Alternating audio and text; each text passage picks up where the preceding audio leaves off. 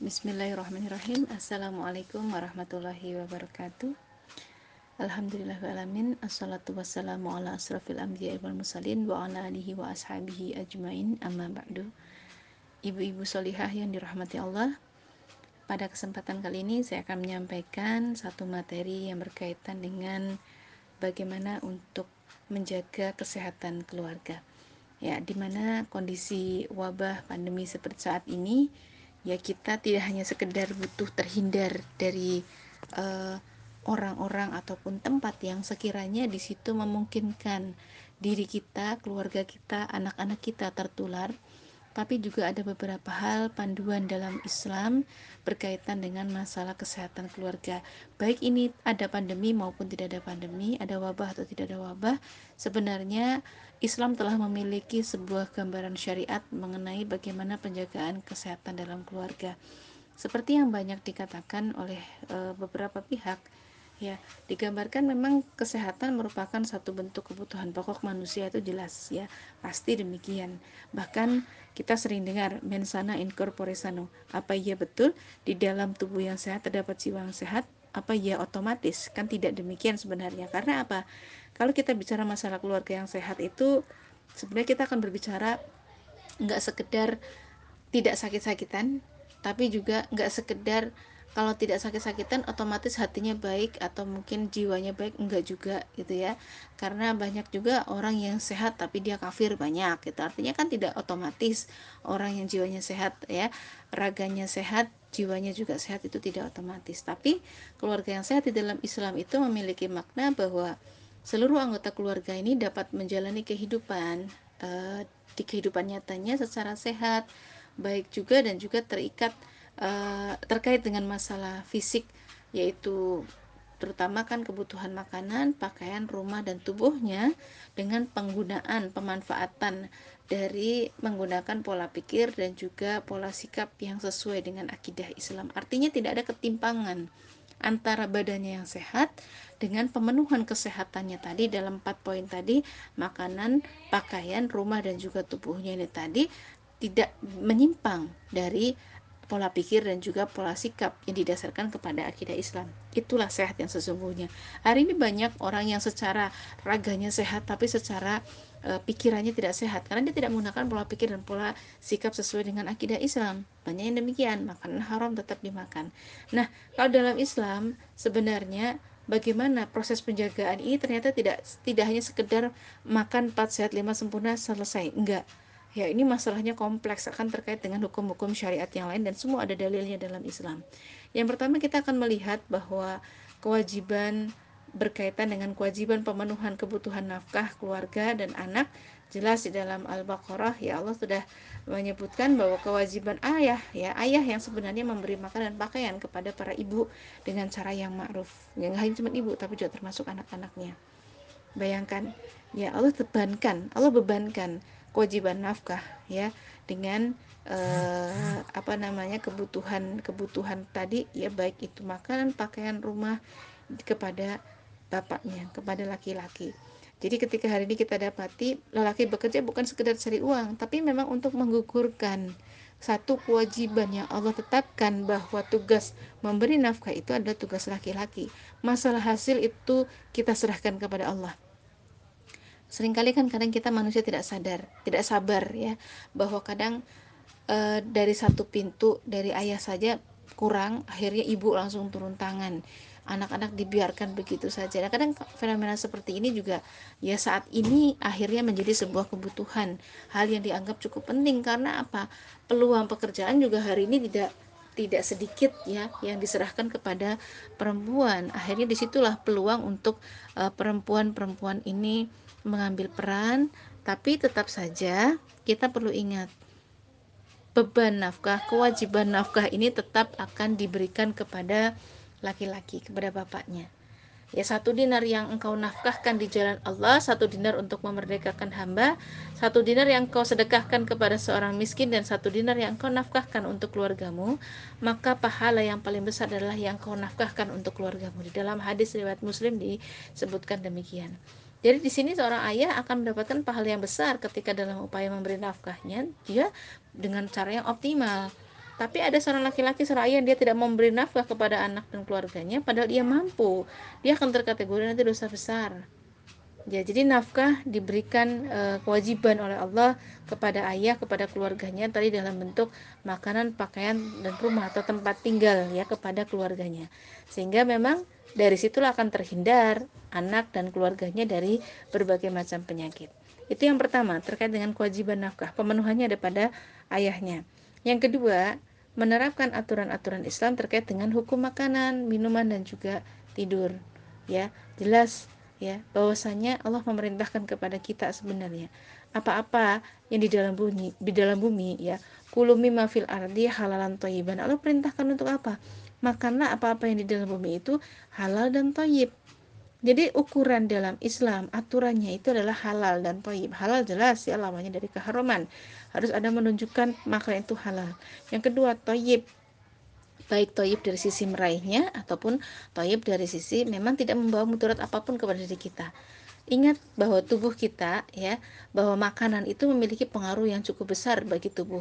Bahkan ada yang menyebutkan 90% ya bisa eh, apa namanya dalam menimbulkan penyakit itu biasanya justru diambil di, diawali dari faktor makanan gitu Artinya kan makanan itu sangat berpengaruh terhadap sehat sakitnya seseorang. Hari ini mengindranya begitu. Meskipun kita tahu sakit sehat itu semata-mata itu adalah konto atau ketetapan dari Allah. Nah, kehalalan makanan, makanan di sini akan berpengaruh nanti kaitannya dengan seseorang bisa menjaga keseimbangan jiwanya ya, supaya dia tetap suci, ya tetap bersih, ya dilahirkan ke dunia tetap terjaga fitrahnya.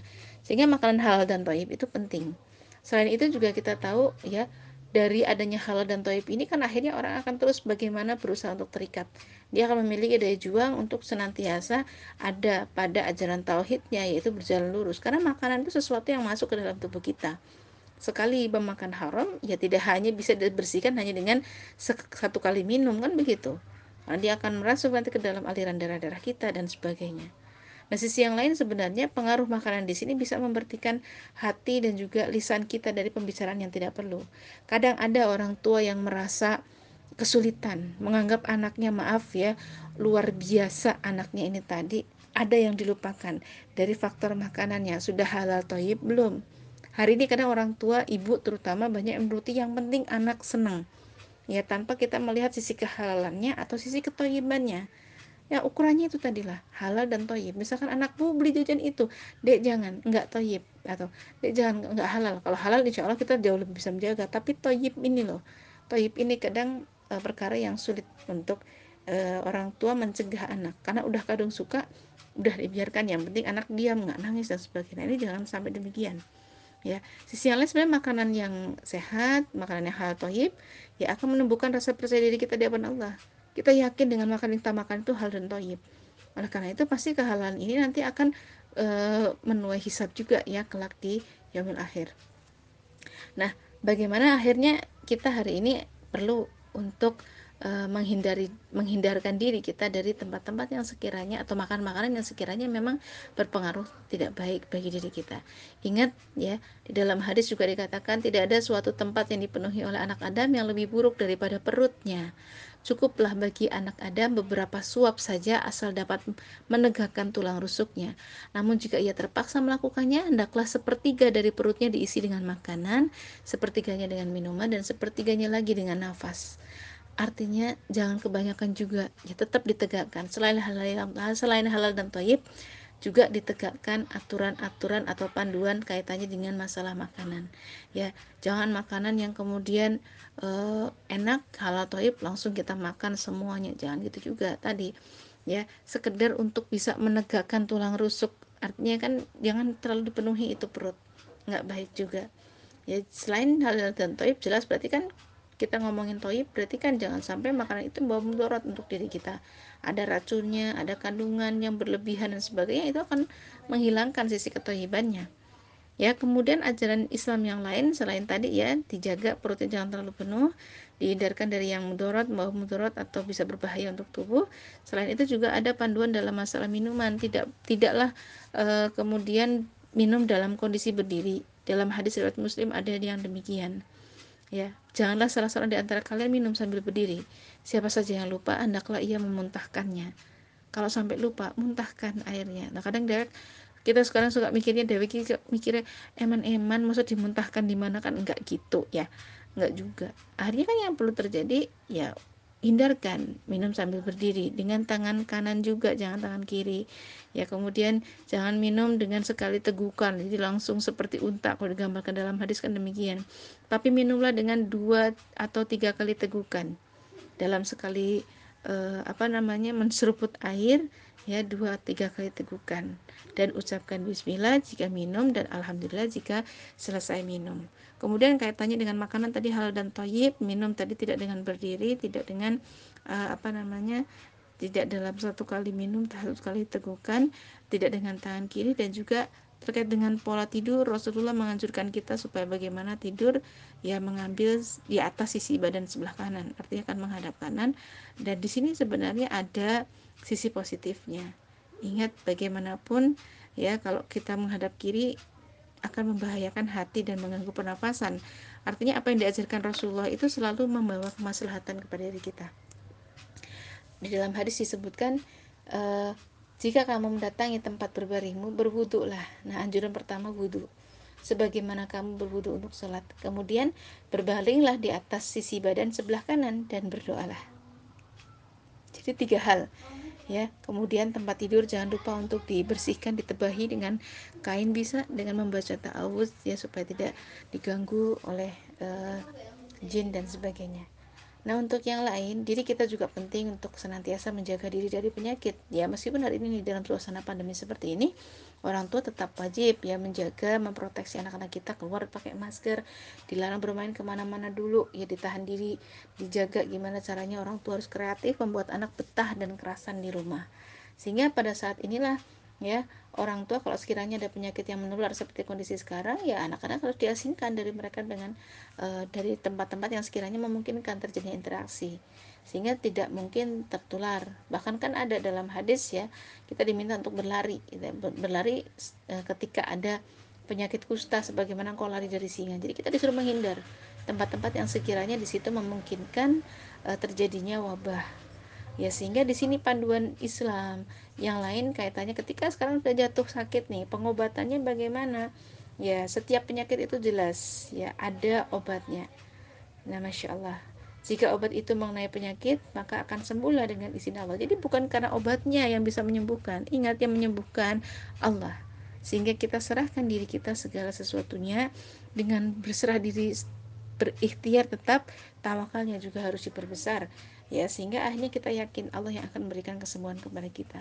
Ketika pun ternyata ada hal-hal yang tidak kita inginkan sudah berusaha semaksimal mungkin menjaga anak memproteksi anak dari supaya tidak terhindar sakit tapi tetap sakit aja ya ini membuktikan bahwa memang sakit itu memang kodoknya Allah. Kemudian yang berkaitan dengan yang lain adalah membiasakan untuk olahraga.